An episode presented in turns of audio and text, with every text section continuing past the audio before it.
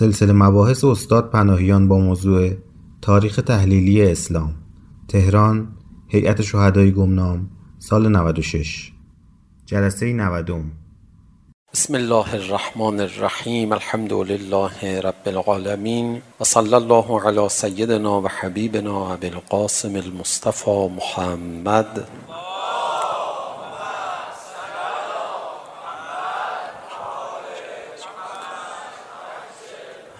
وآله الطيبين الطاهرين المعصومين لا سيما بقية الله في الأراضين روحي وأرواح العالمين له الفداء واللعن الدائم على أعدائهم أجمعين إلى قيام يوم الدين رب اشرح لي صدري ويسر لي امري واحلل عقدة من لساني يفقهوا قولي درباره آزار و اذیت هایی که پیامبر اکرم تحمل فرمودند آیات متعددی در قرآن کریم هست که به این موضوع پرداخته. جلسات قبل بخشی از این آیات و نکات رو با هم مرور کردیم.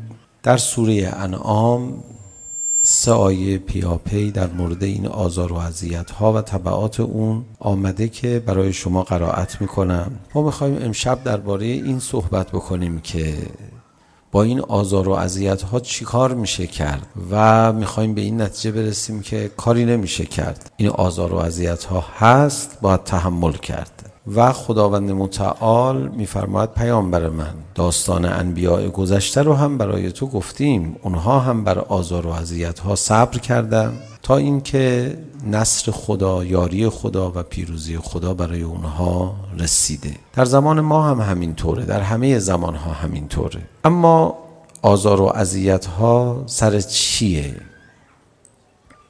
ببینید در این آیه کریمه چقدر روشن به محل اصلی این درگیری ها منشأ اصلی این آزارها خداوند متعال اشاره میکنه.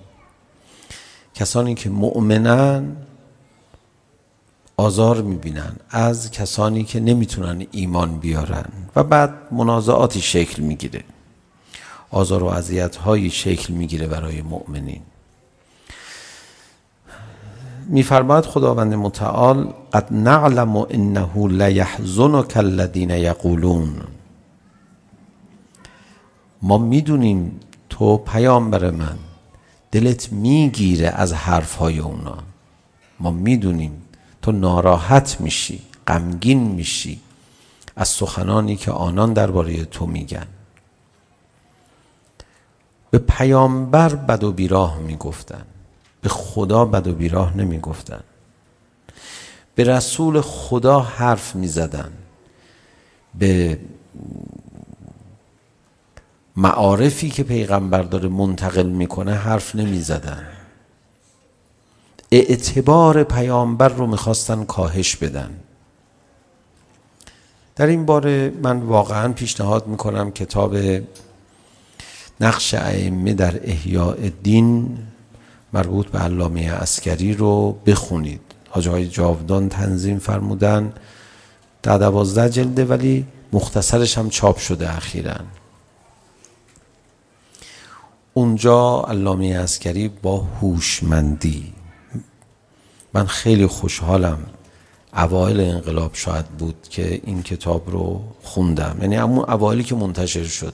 خیلی خوشحالم این کتاب رو خوندم. نگاه میده به آدم. دید میده به آدم. علامه عسکری رزوان خدا بر او باد. خیلی خوبه که ازش یاد میکنیم. خیلی حق به گردن من دارن و من خیلی کوتاهی میکنم در یادآوری ایشون. ضمن اینکه محقق و متتبع بسیار ارزشمندی بود. به جزئیات دقیقا کار داشت اما اهل درک کلیات هم بود و تحلیل خوبی داشت جمعبندی های خوبی داشت. معمولا این دوتا در یک نفر به سهولت جمع نمیشه. علما معمولا یا بیشتر اهل تتبع یا بیشتر اهل تحلیل. ایشون هر دوتا رو داشت. خیلی قشنگ. یک کاری که ما از علامه عسکری یاد گرفتیم هر کی بره کتاباشو بخونه یاد میگیره. این بود که ایشون از قرآن خیلی استفاده میکرد. هم در بحث عقاید هم در بحث تحلیل تاریخ خب خیلی جذابه حتما ببینید اهل علم خصوصا بهره میبرن ازش ایشون یه موضوعی رو مطرح میکنه که من خودم وقتی اولین بار شاید خوندم یه نمیدونم شما ببینید این کتاب اولین انتشارش کی بوده اون سال با تعجب با این موضوع برخورد کردن. و ایشون به تفصیل این موضوع رو با مخاطب خودشون در این کتاب تحلیل میکنن هی دلیل میارن هی دلیل میارن هی دلیل میارن. و خب ما کتابو میذاشتیم زمین میگفتیم عجب اینجوریه اینه قصه این بوده. چه موضوعی رو مطرح میکردن موضوعی که من کسی ندیدم غیر از ایشون اینجوری بهش بپردازه و این یه واقعیته تو همین آیه قرآن هم به این موضوع پرداخته شده اونم این که یه تلاشی در تاریخ به صورت جدی مجدانه در حضور پیامبر قبل از مدینه بعد از مدینه بعد از رحلت وجود داشته همیشه که حرمت پیغمبر رو بشکنن. این مسئله بوده برای بعضیا. و برنامه‌ریزی می‌کردن که روی این کار کنن. بعد از رحلت پیامبر گرامی اسلام اینقدر حدیث جعلی ساختن فقط برای اینکه شخصیت این آقا رو خورد کنن. در زمان رسول خدا یه کاری میکردن پیغمبر زیاد حرمت پیدا نکنه. یه جوری رفتار میکردن هر چقدر پیامبر حرمت پیدا میکنه طبیعتا و داشتن حرمت بشکننش یه مبارزه ای بود اصلا. یه مبارزه ای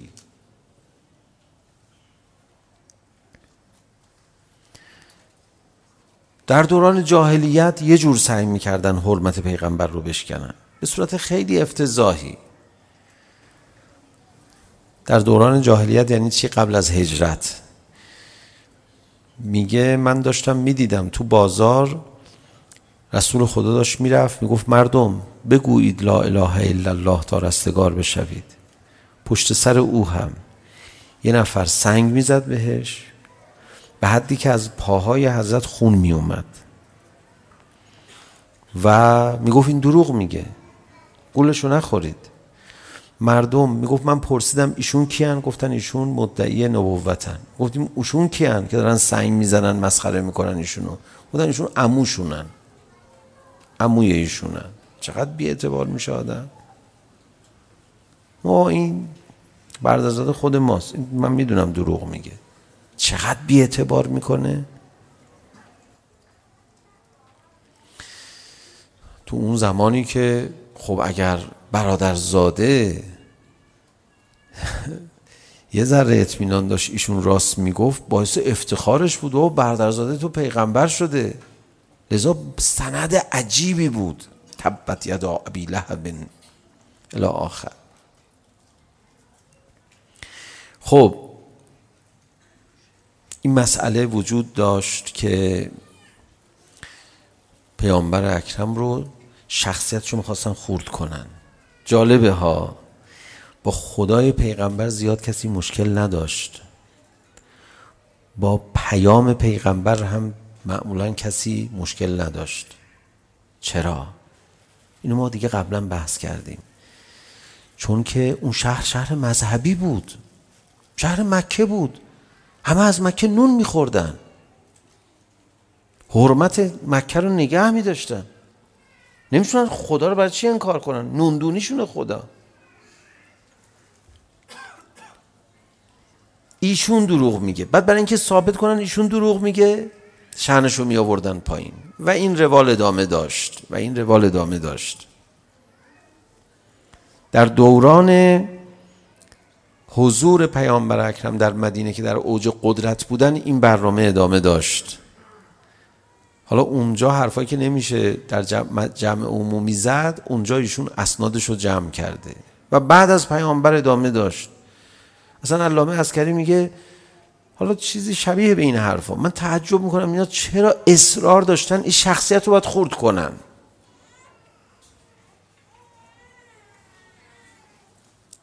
این شخص نباید محترم بشه. وهابیت ادامه همین جریانه. وای میسته حالا من تعابیرشون رو نمیخوام به کار ببرم. به زبان عربی کنار مزجع نورانی پیامبر اکرم. میخواد این شخص رو خورد کنه خورد کنه خورد خورد خورد.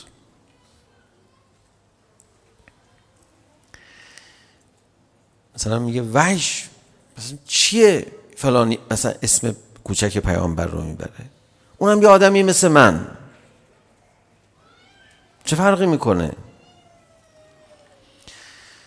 و بعد بچه های پیغمبر رو بیارن پایین عادی کنن. عادی عادی عادی باش برخورد کنن. اصلا کشتن ابا عبدالله الحسین علیه السلام قتل و شهادت اون اتفاقهایی که افتاد فرع ماجراست اصل ماجرا این بود که حرمت اینا باید شکسته بشه این یه فصله یه فصل مهم در تحلیل تاریخ شماها زیاد ممکنه توجه به این معنا نکنید چرا آدمای خوبی هستید حاضرید برای اهل بیت احترام قائل باشید حرم درست کردید برای امام رضا شما مشکل ندارین حرمته رو بشکنن و اینجوری پیغمبر رو اذیت کنن خب قبل از اینکه اون حرفا رو بزنم بذارید این آیه قرآن رو حداقل آیه اول رو با هم مرور کنیم در مقابلش میدونید دیگه حفظ حرمت پیامبر چقدر واجبه محمد مصطفى صلى الله عليه وآله وسلم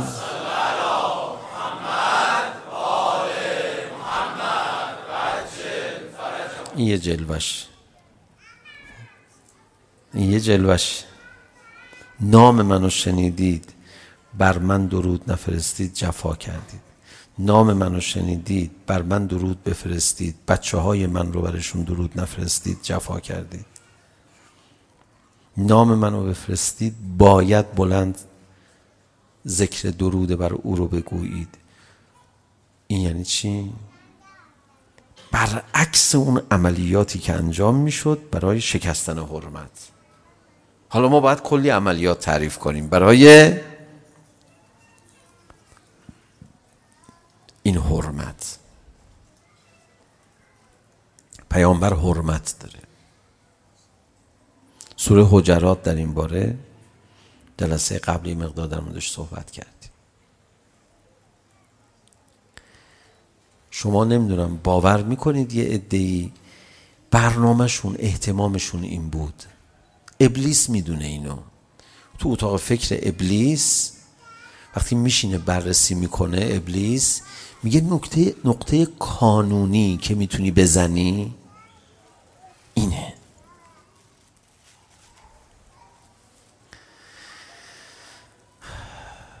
حالا بذارید این آیه رو بخونم. میفرماد قد نعلم انه يحزنك الذي يقولون ما میدونیم تو محزون میشی دلت میگیره از حرفایی که اونا میزنن. علیه تو.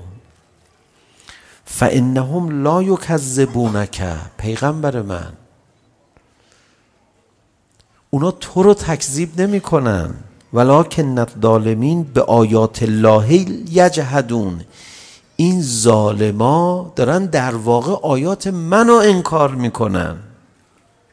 میفرماد پیغمبر من اینا مشکلشون تو نیستی که دارن تو رو میزنن. اینا آیات منو دارن انکار میکنن. اینا مسئلهشون خداپرستیه. ولی تا تو رو نزنن خب نمیرسن به هدفشون.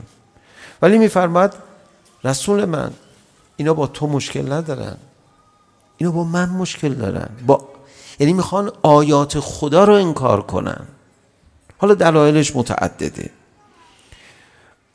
ببینید الان اینو این کلام رو اینا آیات خدا رو میخوان انکار کنن کیو میزنن؟ حرمت پیغمبر رو میشکنن. بعد ولقد کذبت رسل من قبلک. پیامبران قبلی تو هم تکذیب شدن. فصبروا علی ما کذبوا صبر کردن برای تهمت هایی که اونا بهشون اصابت میکرد. و اوزو و اوزو حتی اتاهم نصرنا. اینقدر صبر کردن تا و اذیت شدن. اینقدر اذیت شدن تا من نجاتشون دادم. شما میرید جلو باید اذیت بشید. ولا مبدل لکلمات الله چاره ای نیست میدونید پیامبر من این سنت الهیه این درگیری و اون نصرت من که در نهایتش میرسه این سنت الهیه ولقد جاءك من نبأ المرسلین پیام خبر انبیاء دیگه برات رسیده خب من برای راه چاره انشالله آیه بعدی رو برای شما میخونم. اون چیزایی که میخواستم بگم دوستان من این مسئله شکستن حرمت پیامبر و ولی خدا استراتژی اصلی ابلیسه. مرکز سقل کفر اینه. همه جنایت ها فرع این ماجراست. اونا انقدر بشریت رو به قهقرا نمیبره که بی احترامیه این حرفی که من الان زدم خیلی سخت پذیرشش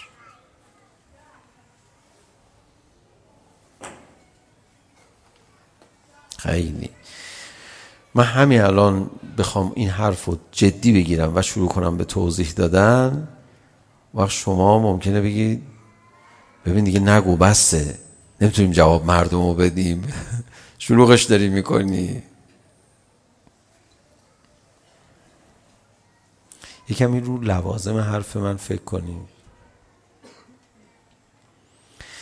از اون طرف پس آقا احترام گذاشتن به ولی خدا مهمتر از همه کارهای دیگه است بله دیگه من چه عرض کنم بیش از ده, ده بار ده ها بار فرمودن که وقتی پیاده حرکت میکنی برای زیارت حرم ابا عبدالله الحسین هر یک قدمش انقدر ثواب برات می نویسن یه قدم حج یه قدم عمره. گناهان رو چجوری پاک میکنن؟ نگو نگو. نگو نگو سخت باورش چطور ارزشمندترین کار احترام به حسینه ولی خطرناکترین کار برای بشریت بی احترامی به حسین نباشه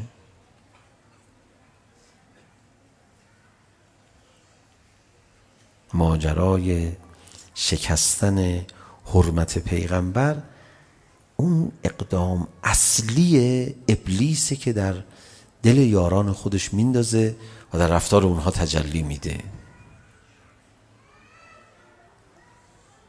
این اصلی است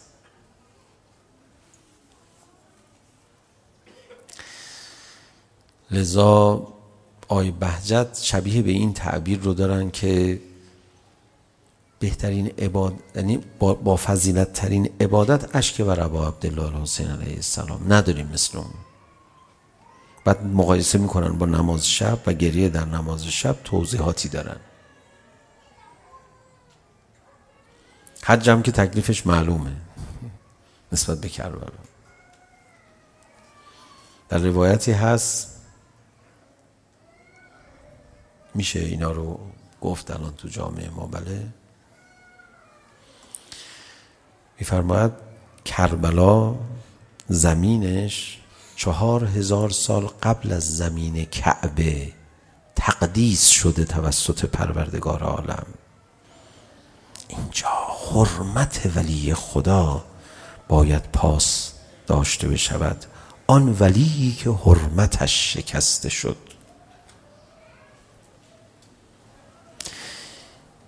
یه روزه ای رو براتون نخونم. فقط عنوانش رو بگم یکی از تلاش های عجیب و غریب عبا عبدالله الحسین تو کربلا که نمیشه ازش حرف زد این بود که سعی کنه تمام این ماجرا با کمترین حرمت شکنی به پایان برسه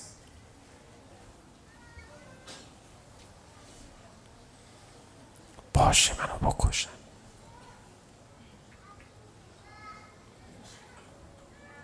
Han با حرمت این اتفاق farmjoft.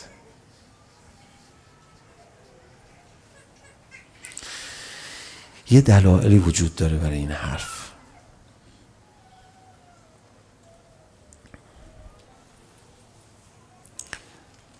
چیزی که میخوام در مورد زمان خودمون بگم اینه ما اولا یک ظهور در پیش داریم و باید مقدمه سازی کنیم برای ظهور حالا بخوایم مقدمه سازی کنیم برای ظهور باید چیکار کنیم؟ خیلی سخت نیست الان با این بحث تحلیلش. حرمت ولی خدا رو باید بالا ببریم.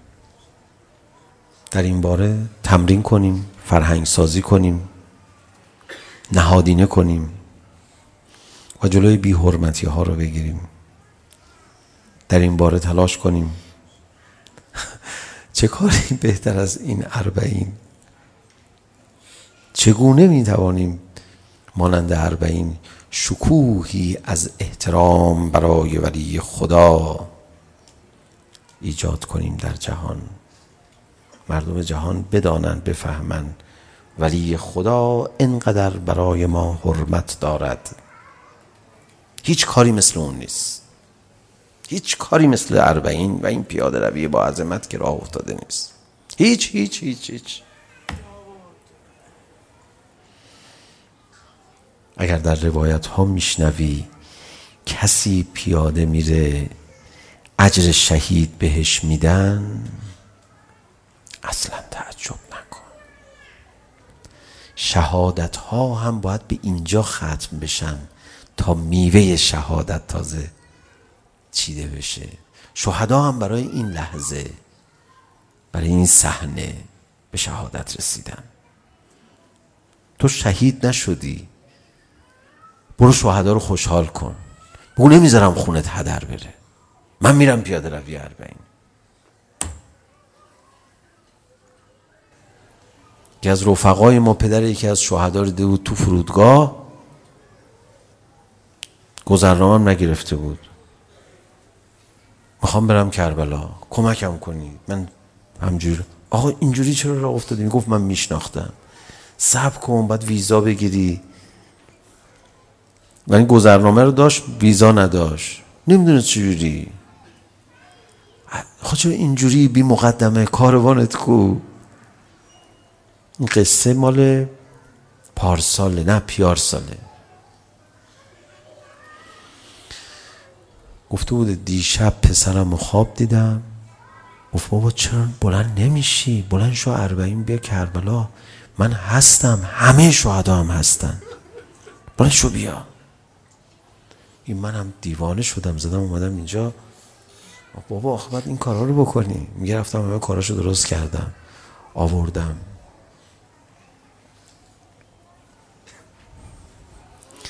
خیلی ساده سا ببین. اگه بخواد کسی بفهمه خیلی ساده است. یک کاری صدر اسلام مقابل پیغمبر اکرم انجام میدادن. قبل و هین و بعد از هجرت که شان پیغمبر رو بیارن پایین هر چقدر میتونن چقدر موفق شدن یا نه بماند این اصلی ترین استراتژی و راهبرد ابلیسه پس این جنایت کارانه ترین اقدام در عالم نقطه مقابلش حرمت گذاری برای ولی خدا ارزشمندترین کار در عالم مقدمات ظهور میخوای فراهم کنی ارزشمندترینش اینه که حرمتگذاری برای ولی خدا رو بالا ببری. تو جامعه تو جهان نهادینه کنی. عالی ترین تجلی این حرمتگذاری امروز این پیاده روی با عظمت اربعین است.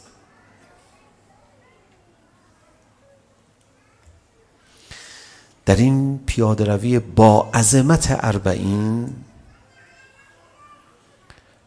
شما خون شهدا رو به ثمر می نشانیم شما در این پیاده روی از اربعین ریشه ظلم را و ریشه تباهی را از بین میبرید و مقدمه برای نجات عالم و نجات بشریت فراهم میکنیم حسین علیه السلام در کربلا حرمتش شکسته شده است و این حرمت باید برگردد. تا بشریت روی سعادت ببیند و ما برای این به اربعین می رویم اگه بتونن حرمت اربعین رو میشکنن اگه نتونن خیلی زایه باشه نتونن تمسخر کنن یا مخالفت کنن سعی میکنن تقلیلش بدن یا نفراتش کم بشه یا زیاد سرصدا نشه در تهییج مردم یا زیاد؟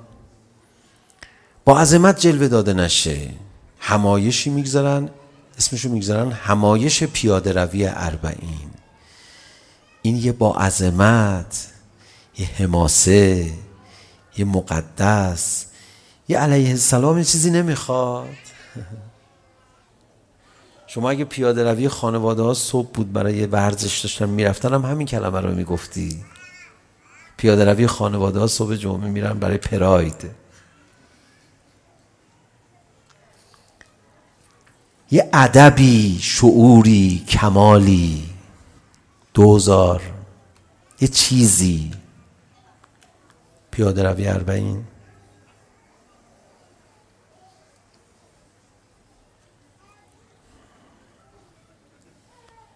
همایش پیاده روی با عظمت اربعین.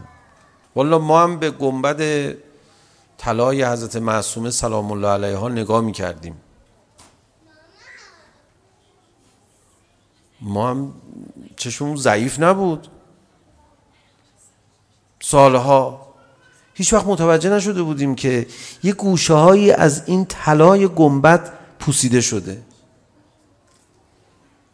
یه دفعه دیدیم پرده کشیدن میخوان عوض کنن.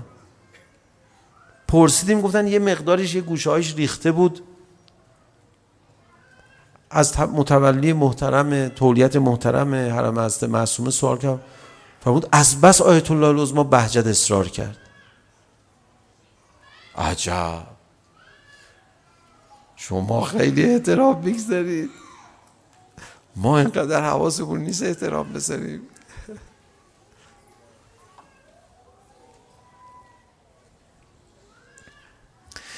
رفقا بیاد یک انتقام تاریخی از بیحرمتی هایی که نسبت به اولیاء خدا شده بگیریم تمام کنیم این تاریخ شوم بشری رو که درش بی احترامی شده به ولی خدا از کجا شروع کنیم از اون نقطه ای که بیشترین بی احترامی صورت گرفت یعنی کربلا بیاد پیاده بریم پا به رهنه بریم پا به رهنه رفت خدمت امام باقر علیه السلام گفت ببین چجوری پاهم تاول زده آقا فرمود شکایت نکن نه شکایت نمیخواست بکنه آقا میخواست بگه یعنی دوستت دارم ببین برات فرمود نکو پاول زده که پاول زده نکو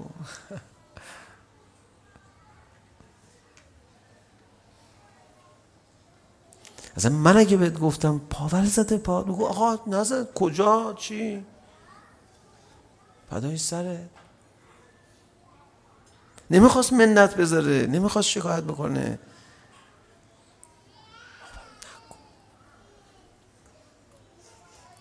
ولی خدا چقدر احترام داره چی بگم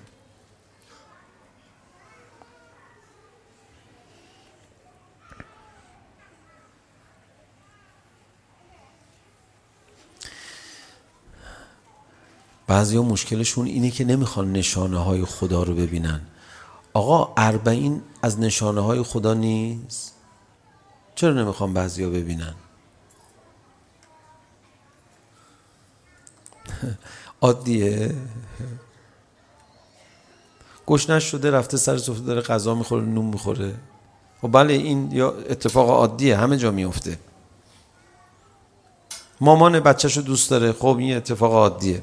باباش فوت کرد رفته تشییع جنازه باباش دم ختم وایساده خب اینا معجزه نیست اینا عجیب نیست اینا آیه نیست عادیه آیه کجا عادی کجا 20 میلیون نفر دارن میرن عادیه وقتی آیه های خدا نازل میشه آیه های خدا خودشون نشون میدن مسخره کنندگان هم زبون در میارن. انکار کنندگانم زبون در میارن. میگی آقا بیمه لازم نیم مردم خودشون. اونی که هفت هزار تا رأس گوسفند میاره برای مردم. یه نفر یه جوون از یه گوشه دنیا. اونی که حالا تازه اولشه من به شما بگم اینا میتونن چهار تا مریضم مداوا بکنن همون دکتر متخصصایی که الان رفتن درمانگاه زدن مجانی دارن همه مریضا رو معالجه میکنن میتونه تعدادشون زیادتر بشه مردم میتونن مسخره میکنن این حرفو بعد یه مورد جزئی میگیرن ای فلانجا کشته شد خب بیا پولشو بده اما مردم بگی بیا بده من دارم از یه جریان صحبت میکنم تو چرا با یه مورد میخوای مسخره کنی پیامبر علم عالم امکان رو داشت بعد گاهی میگفت شطورم کو شطورم کو میگفتم بیا ایشون میگه من همه عالم و علمشو دارم و وحی به میاد شطورشو گم کرده مسخره کننده ها اینجاها گیر میدادن مسخره کننده ها همیشه در مقابل یک جریان کلی با عظمت یه مورد جزئی رو میگیرن مسخره میکنن.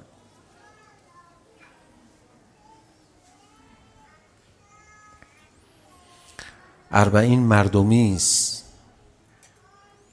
دلهای مردم در اربعین متحول شده است. این از نشانه های الهی است. هم نشانه نصرت است به تحلیل حضرت امام که فرمود هر موقع دیدید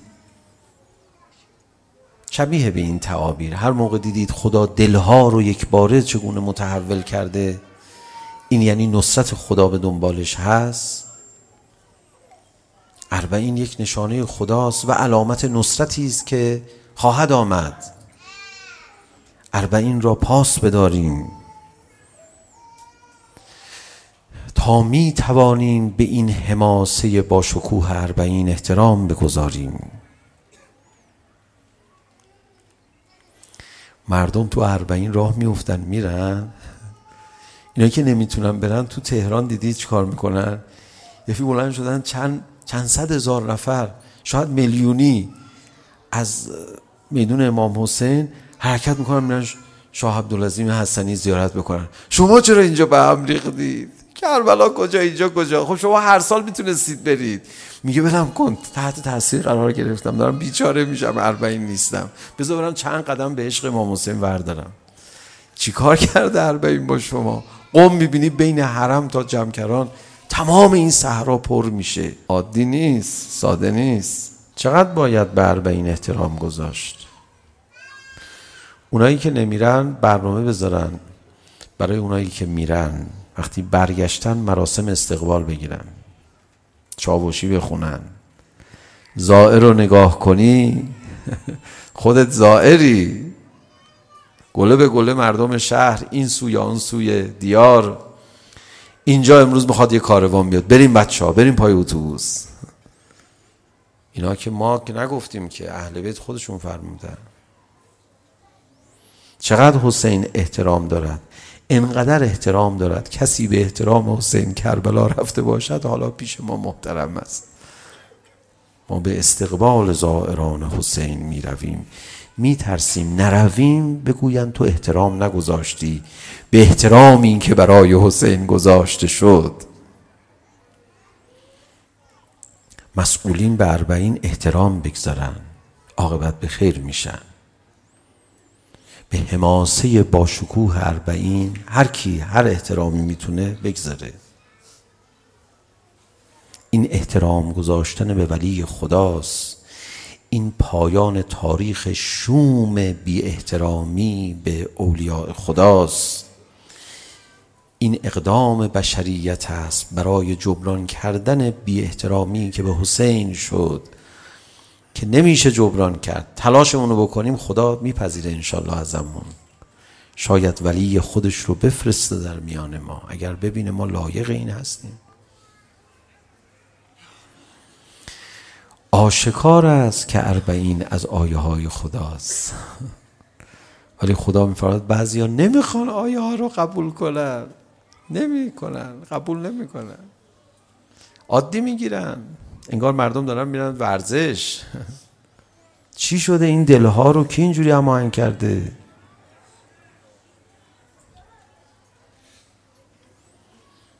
آیه ها رو هر کسی نمیپذیره آقا نشانه چیست نشانه نصرت الهی است حضرت امام میفرمود هر موقع دیدید دلها اینجوری متحول شدن این نشانه پیروزی در راه است به تعابیر مختلف حضرت امام این رو فرمود 24 مرتبه در همون سالهای اول انقلاب. این مضمون رو تکرار فرموده. ولی بعضیا نمیتونن نمیخوان قبول کنن. شما مواظب باشید جزء بی احترامی کنندگان به اربعین که فلسفه جز احترام به ولی خدا ابا عبدالله الحسین علیه السلام ندارد نباشید. احترام بگذارید به اربعین. بعضی ها وقتی نمیتونن کلا بی احترام میکنن جزءا بی احترام میکنن. چون دیگه نمیتونه دیگه کلا بی احترام میکنه یه ذره بی احترام میکنه. بعضی اینجوری هم خب راه چاره چیه؟ فینست و این کان کبر علیک اعراضهم. پیامبر من میدانم اعراض اونها سخت برای تو. فان استطعت ان تبتغي نفقا فی الارض او سلما فی السماء فتاتيهم بايه تو دوست داشتی بری در دل آسمان ها یه نشانه بیاری. از دل زمین از اعماق زمین یک نشانه بیاری. برای اینکه اینایی که دارن آیات خدا رو انکار میکنن که تو رو اذیت میکنن اینا این نشانه ها رو ببینن و ایمان بیارن. پیامبر تو میخوای این کارو بکنی ولی این کارو نکن ولو شاء الله لجمعهم علی الهدى خدا اگه میخواست این کارو میکرد خدا اگه میخواست این پیاده روی با عظمت اربعین و یه نور ویژه‌ای بالا سرش میگذاشت همه می اومدن دوربین ها به به این چی شد مائده های آسمانی میریخ و نمیدونم همه مریض ها گله به گله شفا پیدا میکردن کاری نداشت برای خدا تا همه معلوم بشه که اربعین بابا خیلی عظمت داره ولی خدا این کار نمیکنه. خدا نمیخواد کسانی که لایق نیستن رو هدایت کنه. خدا زمینه دبه رو برای بعضی باقی میگذاره. ولو شاء الله لجمعهم علی الهدى. خدا اگه میخواست همه رو هدایت میکرد. نمیخواد بری دنبال آیه ویژه‌ای که غیر از این آیه هایی که ما آوردیم پیغمبر برات. که اینا باور کنن. نمیذار باور نکنن. آقا اربعین خبر نیه یه دم جوری عشقشون کشیده برن بیاده روی طوری نشده. زندگی تو بکن راحت باش. والا به خدا. فلا تکونن من الجاهلین. میفرماید نمیخواد بری آیه برای اینها بیاری. حبیب من از نادانان نباش. توبیخ با عظمتیه. بعد میفرماید انما یستجیب الذین یسمعون کسانی که گوش دارن حرف تو رو قبول میکنن. والموتا مرده ها که قبول نمیکنن. یبعثهم الله ثم الیه یرجعون. مرده ها رو مرده ها کارشون با منه. من اینا رو یه روز بیدارشون میکنم. اومدن پیشم من این مرده ها رو حالی میکنم. که چرا آیات الهی رو نپذیرفتن؟ الان انکار کلی آیات الهی در دستور کار هیچ کسی نیست. ولی انکار جزئی آیات الهی هست. زمینش هست. یه ذره ازش کم بکنن.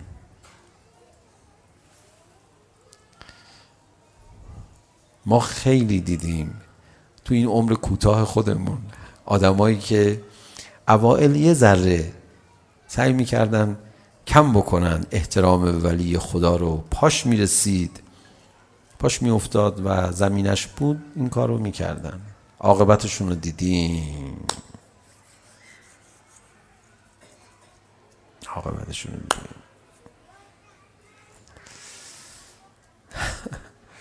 خدای ما رو عاقبت به خیر کن.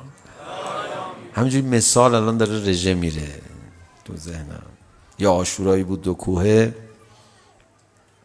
بچه ها سینه می زدن بچه که نصفشون بگو شهید شدن. نمیدونم. چه گلایی شور گرفته بودن. یه کسی در اوج بود. به شورشون بی احترامی کرد. بی احترامی نابجایی بود. حالا وقتی از یه شوری خراب خروبه آدم میاد اصلاحش میکنه. میگه بهتر. ولی نه اون شور ایرادی نداشت. این بی احترامی خیلی بیمورد بود. الان کجاست؟ الان کجاست؟ چی بگه آدم؟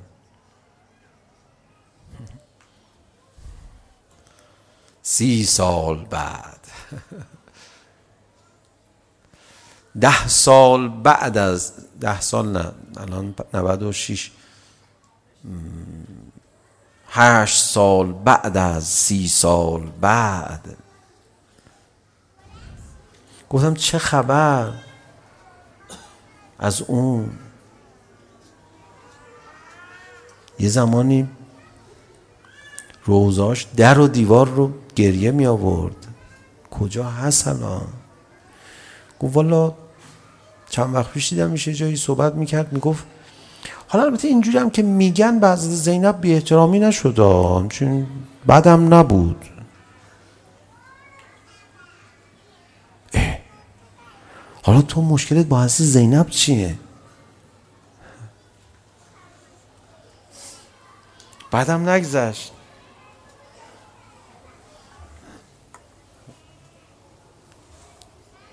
چی بگه آدم؟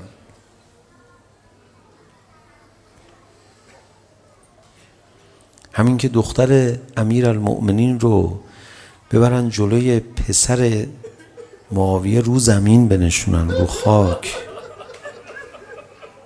این همچین هم بد نبود.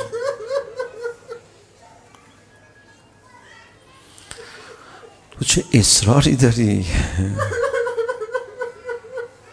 چی به تو میرسه الان؟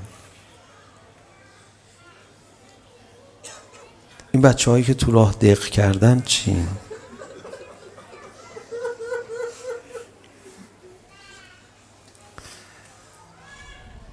بدم نبود. من یه روزه براتون بخونم. الان هست نگه داشتن الان قاعده. من الان نمیدونم اخیرا دیگه. ما سال 61 رفتیم سوریه. که از اونجا بریم لبنان مسجد اوموی اونجا یه عرابه نگه داشتن جعبه ای مال قدیم نمیدونم درسته یا نه اونجا گذاشتن مردم زیارت میکنن آنچنان هم نه که تبر میگیم این چیه تو برخی از اخبار آمده میگن این اونه چیه حالا تو اخبار چی اومده میگن سرهای متحر رو در یک جعبه ای در عرابه ای نگه می داشتن بعد به هر شهر می رسیدن این سرها رو در می آوردن رو نیزه ها می دوره بعد از اون شهر در می میذاشتن پیش یه مش ازادار چند مرتبه هی عزیزش رو انگار نبش قبر میکنه میاره بیرون برمیگرد زیادم بد نگذشت. من موندم چرا شهر دوم سوم زینب دق نکرد.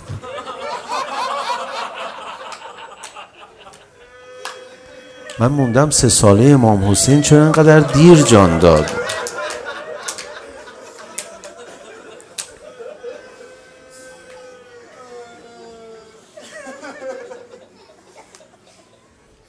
زیادم نزدن. اینجوری که میگن چقدر میخواستی بزنن مگه بچه رو میزنن اصلا؟ برای چی بزنن؟ همون کمش هم اگه بزنن. حالا الان تو مشکلت اینه.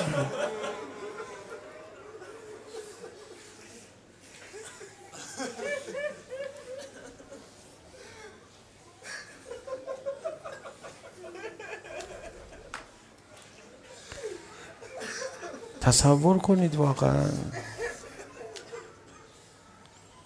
این بچه ها تنشون میلرزه وای دوباره عرابه رو آوردن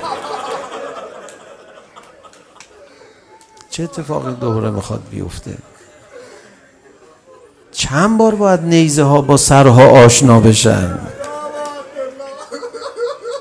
چی باید بشه مگه یا عبا عبدالله خیلی به شما بی احترام میشد ما با این چند قدم پیاده رفتن آیا میتونیم من ما که نمیتونیم جبران که نمیتونیم بکنیم ولی ما میاییم ما میاییم ما چیکار باید بکنیم میشه ما تمام طول راه خاک به سرمون بریزیم و حرکت کنیم به خاطر مصیبت بچه های تو علا لعنت الله علی القوم